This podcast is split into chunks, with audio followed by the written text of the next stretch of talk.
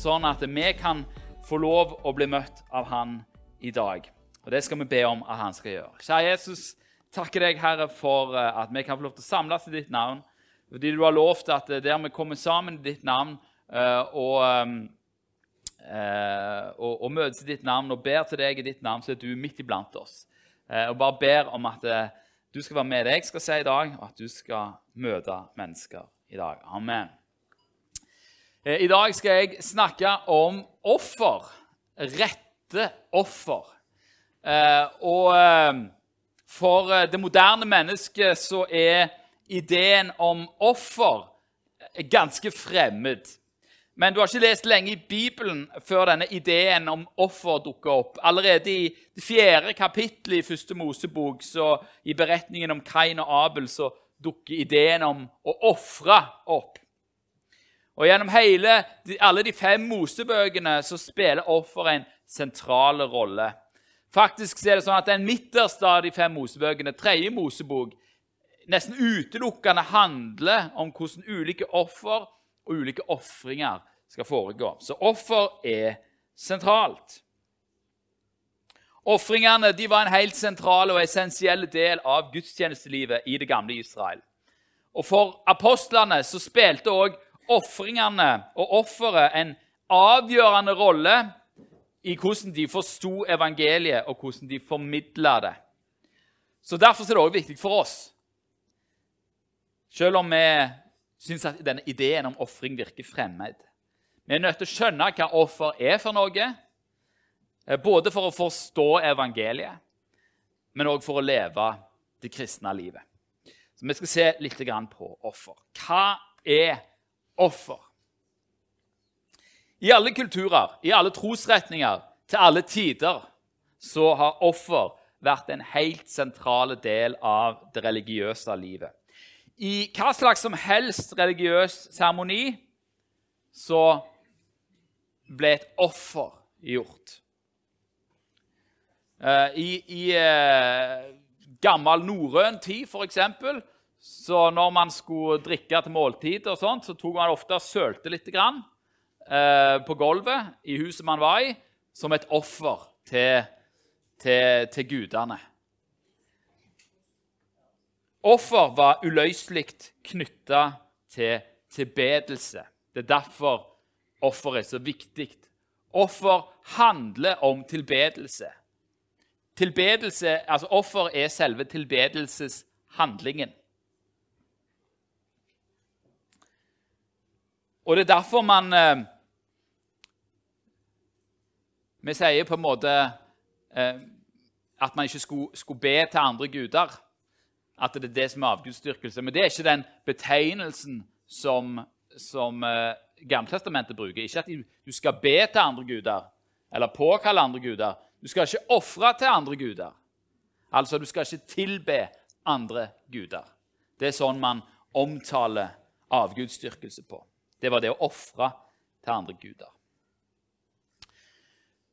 Nå, i, I den hedenske tankegangen omkring offer Altså ikke den jødiske, men den hedenske. I, i andre trossystemer på denne tida så så man på ofringene som en transaksjon. En transaksjon. Det fantes en hel haug av guder, og de var knytta til ulike deler av menneskelivet. Dette var sånn som man så på i hedensk tid. Så man ofra til fruktbarhetsguden når man ville ha barn. Man eh, ofra til handelsguden når man ville bli rik. Eh, man ofra til krigsguden når man ville seire. Eh, til havguden når man skulle ut på sjøen, osv. osv. Hovedtanken bak var at offeret var en transaksjon. Jeg ofrer til gudene. Gudene gir meg det jeg vil ha. Jeg gir noe til deg, og så gir du noe tilbake til meg. Det var på en måte tanken bak ofringene. Man, man blidgjorde gudene ved offer for å få dem til å handle på sine vegne. Og hvis de ikke oppfylte sin del av avtalen, ja, så fant man en annen gud å dyrke. Sant? På den måten så, så, så var, lå på en måte makten hos menneskene. Du valgte deg den guden som passa deg best.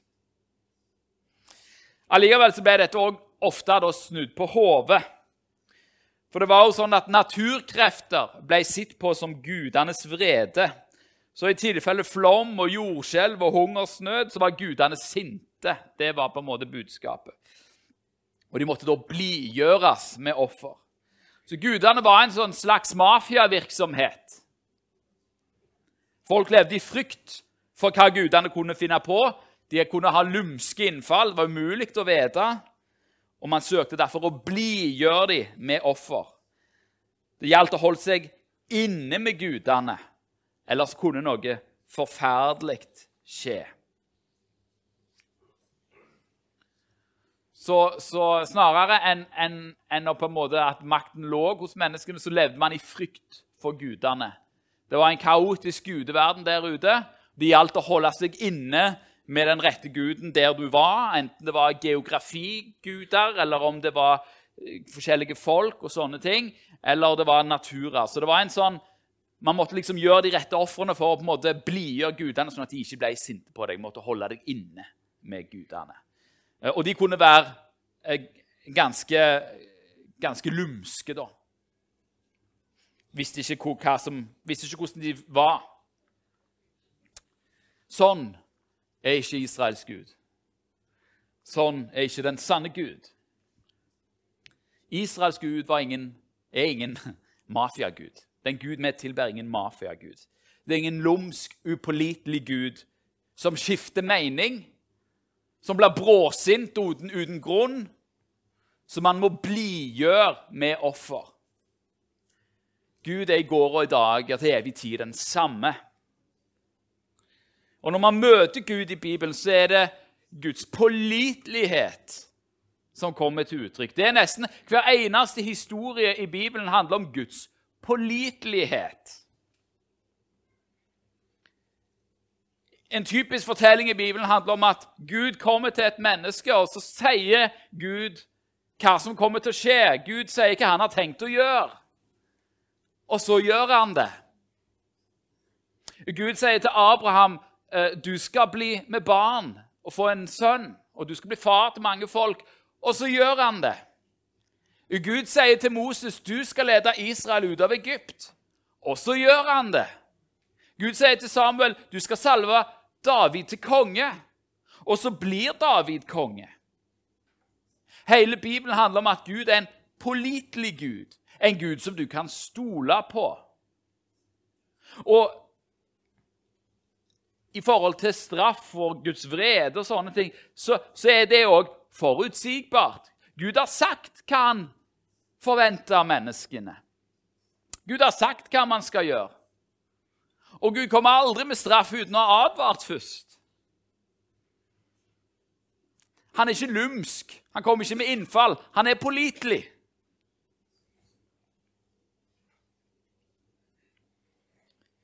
Det er ingen vilkårlighet hos han. Derfor er han heller ikke en gud som man kan bestikke med sine offer. For det var jo det man gjorde. sant?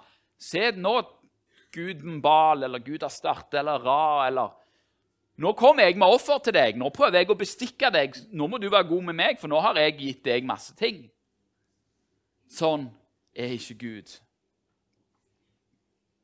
Ofringene til Gud er et resultat av hans natur og hans frelsesplan. Og I 3. Mosebok 1145, eh, som er et omkved som går igjen, spesielt i 3. Mosebok, så sier Gud jeg er Herren som førte dere opp fra landet Egypt for å være deres Gud. Dere skal være hellige, for jeg er hellig. Gud er først og fremst en hellig Gud. Han er en hellig, ren og rettferdig og pålitelig Gud. Problemet er at vi er ikke hellige, rene eller pålitelige. Det er vi får innfall. Vi kan bli bråsinte. Sånn er ikke Gud. Men for at vi skal kunne da stå i et rett forhold til Gud, så krevdes offer. Så offer i bibelsk sammenheng handler først og fremst om soning. Israelsfolkets ofringer handla om å bli ren for Gud, så man kunne stå i et rett forhold til ham. Man ofra først og fremst for å bli fri for synd og skyld, for å bli hellige sånn som han er hellige. Og Dermed så var offeret et soningsoffer. Dette er det første prinsippet i, i den bibelske ofringen. Et sonoffer. De fleste ofrene i, i eh, tredje Mosebok som er omtalt, det er en, en eller annen form for syndoffer eller soningsoffer. Og Så var det et annet prinsipp. Foruten renselse for synd så var det et annet prinsipp som gjorde seg gjeldende i ofringene. og Det handla om førstegrøten. Og ofringen av det førstefødte. I 2. Mosebok 34, 19 så står det alt det som åpner mors liv, hører meg til. Alt det eh, av din buskap som er av hannkjønn, og som blir født først, enten det er storfe eller småfe. Andre Mosebok 34, 26 sier at det første av din jords førstegrøde skal du bære til Herren, din Guds hus. Når denne ideen om å ofre det første som åpna åpner mors liv, eller det første av grøden, det er òg en, en sånn tanke som går igjen, som man finner igjen i, i alle festene og i påsken. og man, man finner dette her igjen hele, hele tida i Bibelen. Og Det er et uttrykk for takknemlighet og tillit. Med å ofre det første man fikk tilbake til, til, Gud, så anerkjente man at alt det man hadde fått, til syvende og sist tilhørte Gud. Alt det som man hadde fått, hadde man fått fordi Gud hadde gitt det i utgangspunktet. Det var Gud som hadde velsigna, og man ofra i takknemlighet. Og Med å ofre det førstegrøden og det førstefødte så uttrykte man òg tillit til Gud. Du vet, hvis du ofrer det, det førstefødte og, og eh, det første av armlingen din, så gjør du det i tro. Du vet ikke hvor mye du kommer til å få det året. Du vet ikke. Man ofra det første. Man visste ikke hvor mange som kom til å bli født videre. Det var ingen garanti for det. Så når du da ofrer det førstefødte uten tanke på hva som måtte komme, så ofrer du i tro. Man ofrer i tro og i tillit. Man ofra i tro på en pålitelig Gud. En Gud som hadde sagt at hvis dere gir det til meg, så skal jeg velsigne dere.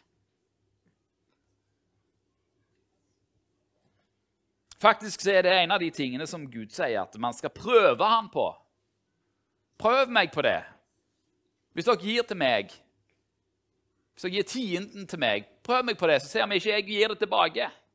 Så skal jeg velsigne dere. Men ideen om å ofre den førstefødte finner man òg igjen i første Mosebok 22, der Abraham blir bedt om å ofre løftesønnen Isak til Gud. Når ateister elsker å bruke dette bibelverset mot kristne fordi at de tenker at dette her er et uttrykk for en, for en, for en Gud som, som uh, pålegger mennesker å gjøre forferdelige ting. Faktisk er det jo en historie om helt motsatt.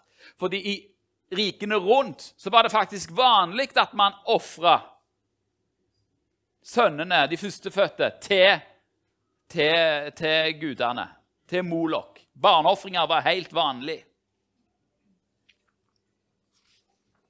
For å blidgjøre gudene.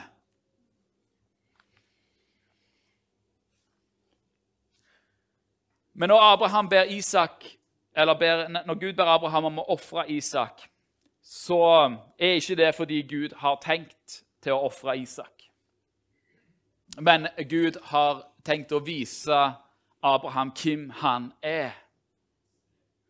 Nå, for å forstå dette offeret så må man òg forstå hvem Isak var. Abraham fikk Isak når han var langt oppe i åra. Han var 100 år gammel, og kona var 90. Så det er jo et mirakel at Isak blir født Det er ikke en normal sønn.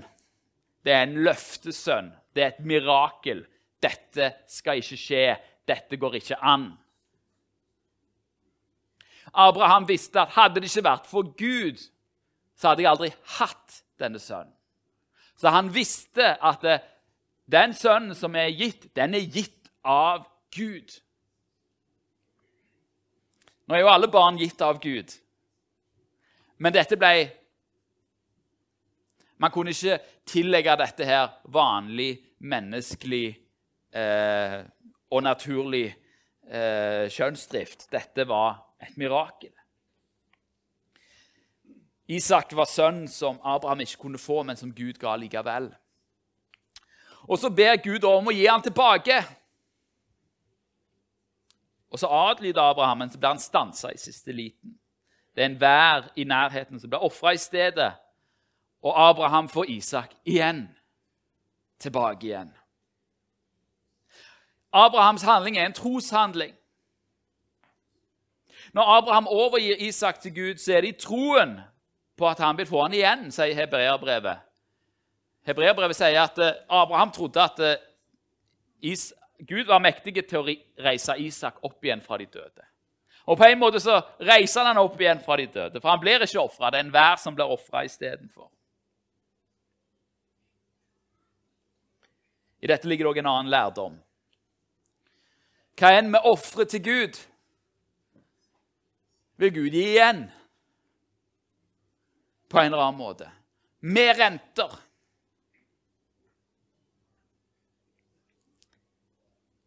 Og Denne beretningen peker også framover mot Jesus Kristus. Når Abraham i lydighet mot Gud velger å ofre sin sønn, så peker det framover mot det endelige offer som Jesus gjorde. Vet du hva som er det virkelig sjokkerende med Jesu offer?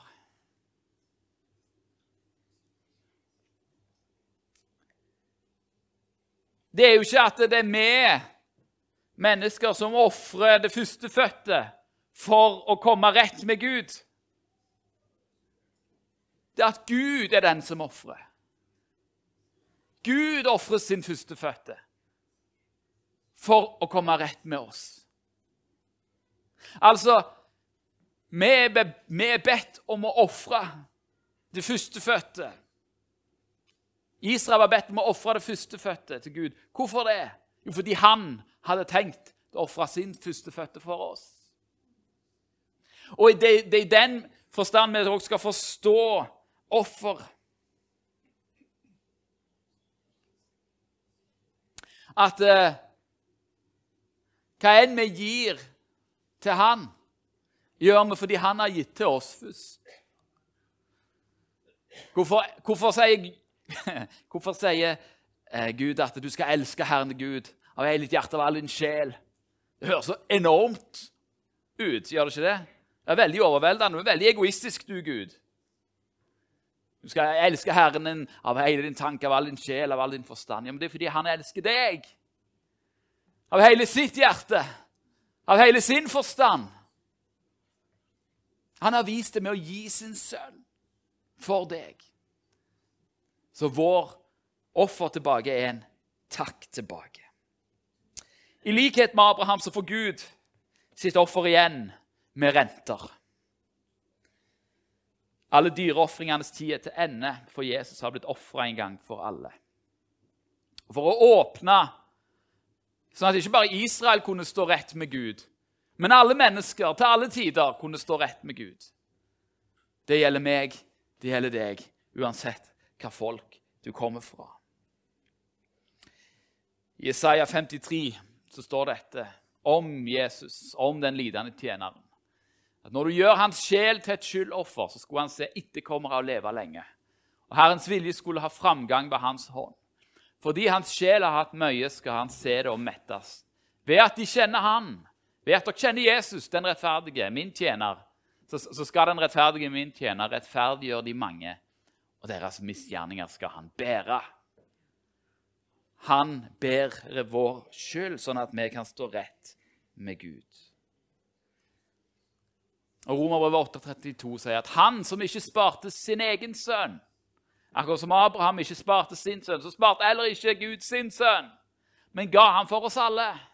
Hvordan skulle han annet enn å gi oss alle ting med han?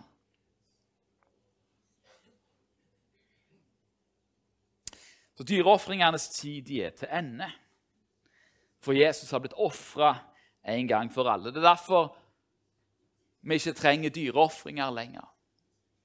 Jesus har blitt ofra for oss. Så da er spørsmålet hva gjenstår da å ofre? For ofring er jo tilbedelse, vi er jo kalt til å tilbe Gud. Så hva ofrer vi da? Når vi ikke ofrer sauer og geiter og okser.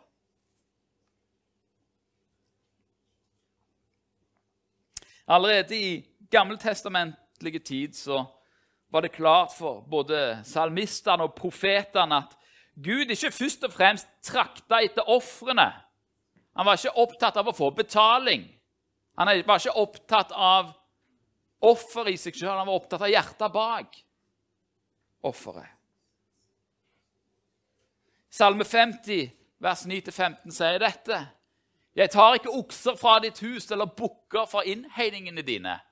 For meg tilhører alle dyr i skogen, dyrene på fjellene i tusentall. Jeg kjenner alle fjellenes fugler. Og alt som rører seg på marken, er mitt. Om jeg var sulten, ville jeg ikke si det til deg, for min er jorden og alt som fyller den. Og Gud er jo ikke sulten, Gud er jo ikke en fysisk eh, en fysisk, eh, altså Gud er jo ikke fysisk, Gud er jo åndelig. Mon jeg skulle ete oksers kjøtt og drikke bukkers blod? Et retorisk spørsmål som Gud stiller. Jeg trenger ikke dine offer.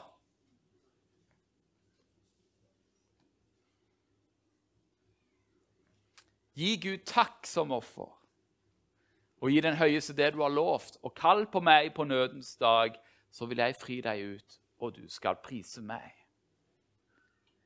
Det var det ofringene handla om. Det var det førstegrøten handla om. Jeg takker deg for at du har gitt meg. Det er, noe, det er noe annerledes. Ikke for at du ikke skal være sint på meg,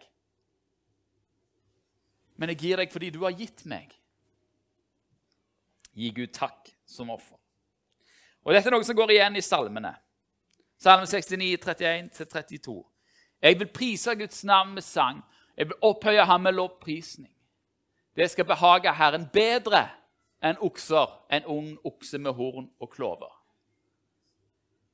Så bedre enn offer, bedre enn dyreofringene var å prise Guds navn med sang og opphøye Han med lovprisning. For å hamre dette her inn Det er greit å bruke Bibelen for å liksom få inn noen poenger. Salme 27, 6b. Jeg vil ofre jubeloffer i hans telt. Jeg vil synge og lovsynge for Herren. Salme 107, vers 22.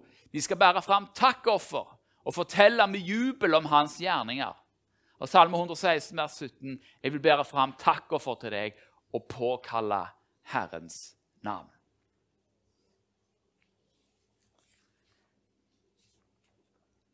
I hebreerbrevet, som, som, er det brevet i Nytestamentet som snakker mest om ofringer og om Jesus som offeret, så blir denne tanken gjentatt.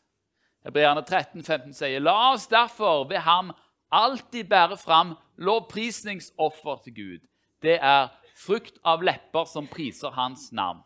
Men glem ikke å gjøre godt og dele med andre, for slike offer er til behag for Gud. Hva offer står igjen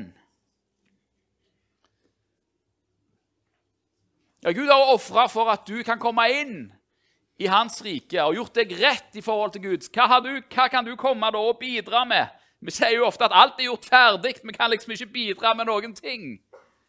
Så hva kan vi da bidra med? Jo, vi kan takke. Vi kan takke Han for det Han har gjort mot oss. Det er det offeret vi kan gi. Vi kan takke Han for alt det Han har gitt oss. Vi kan takke ham for familiene våre, vi kan takke ham for jobben, vi kan takke ham for, for frelsen, vi kan takke ham for at han er nær. Vi kan takke ham for fred, vi kan takke ham for velstand. Begynn å takke og lovprise ham. Hvorfor tror dere vi synger sanger her? Hvorfor tror du vi kaller det for tilbedelse? Jo, for det er det som er vår tilbedelse. Vi gir vår takk tilbake til ham. Det er vårt offer. Vi takker og vi priser Han for det Han har gjort. Er det noen her som har noe å takke for? Er det noen her som har fått noe av Gud? Da har du noe å ofre. Da har du noe å ofre. Det er vår gudstjeneste. Og så sier òg hebreerbrevets forfatter her glem ikke å gjøre godt og dele med andre. For gode gjerninger er òg offer til Gud. Og det å dele med andre er offer til Gud. Når du gir av det du har, til noen andre, så er det et offer til Gud. Så glem ikke det. Glem ikke det. Hver gang du gir til noen, så gir du ikke til de du gir til han. Du gir tilbake det du har fått. Det er et offer som er til behag for Gud. Så kan det være at du sitter her så opplever at du ikke har noe å takke for. Enten det er pga. din egen tilkortkommenhet eller synd, eller du har vanskeligheter i livet som trykker deg ned. At det er sykdom, at det er problemer, eller at du ikke har jobb. At det er økonomisk vanskelig. At det er vanskelig i familien. Du har ingenting å takke for. Og du opplever at det skulle stå og takke og prise Gud blir hyklersk. Hva kan du da komme med? Har du et offer å komme med? Ja, det finnes et offer for deg òg. Salme 51. Etter at Davids synd med Batseba har blitt avslørt, Davids utroskap og mord har blitt avslørt, sier David dette. Han angrer alt det han har gjort. Så sier han i Salme 51, vers 19.: Offer for Gud er nedbrutt ånd.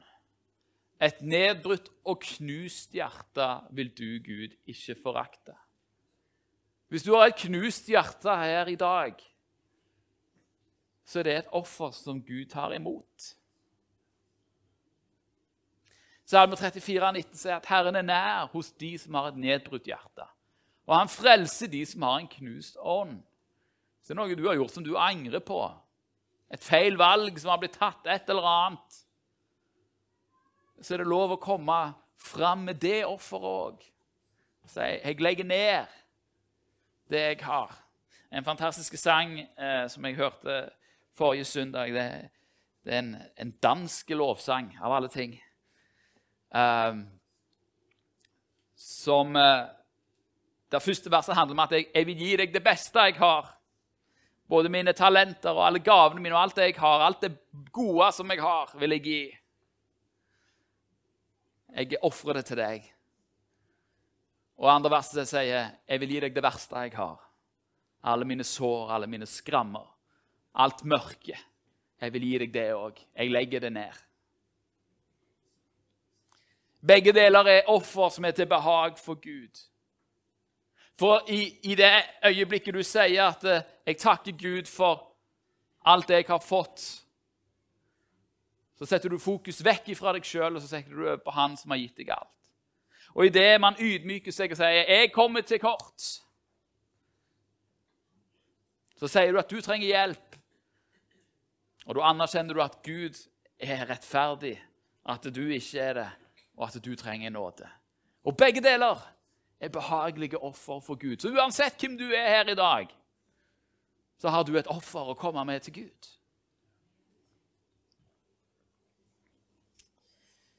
Men offer for Gud er òg mer enn dette, og Paulus han tar det hele veien. I Romerbrevet 12,1.: Jeg formaner dere altså, brødre, ved Guds miskunn, at dere framstiller deres legemer som et levende og hellig offer til Guds behag. Dette er deres åndelige gudstjeneste. Vår takk skal være, skal være et offer. Våre nedbrutte hjerter er et offer. Men hele vårt liv skal være et offer til Gud. Et levende offer. Akkurat som Jesus ofra seg sjøl for oss, så ofrer vi oss sjøl til han. Og det er det man sier at, uh, ofte i forbindelse med dåpen. At jeg lever ikke lenger sjøl. Men det livet jeg nå lever, lever jeg i troen på Han som ga seg sjøl for meg.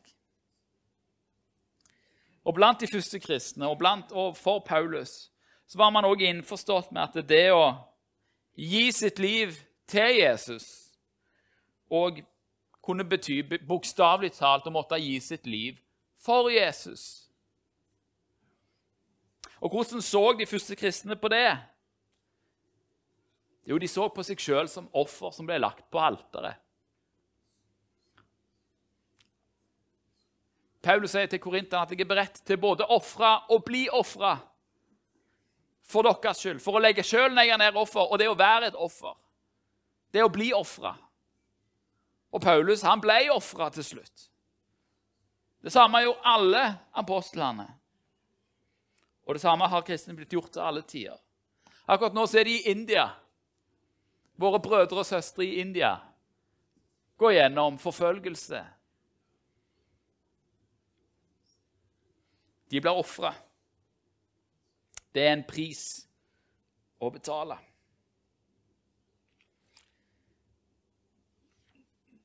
Og hvorfor gjør de det?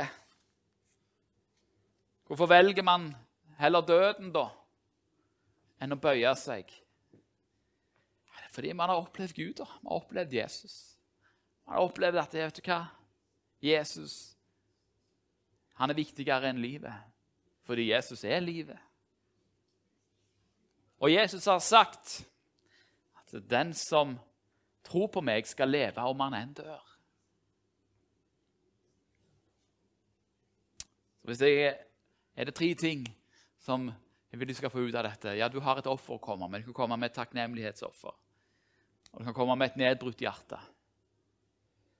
Og så kan du komme med hele deg og innvie deg for ham.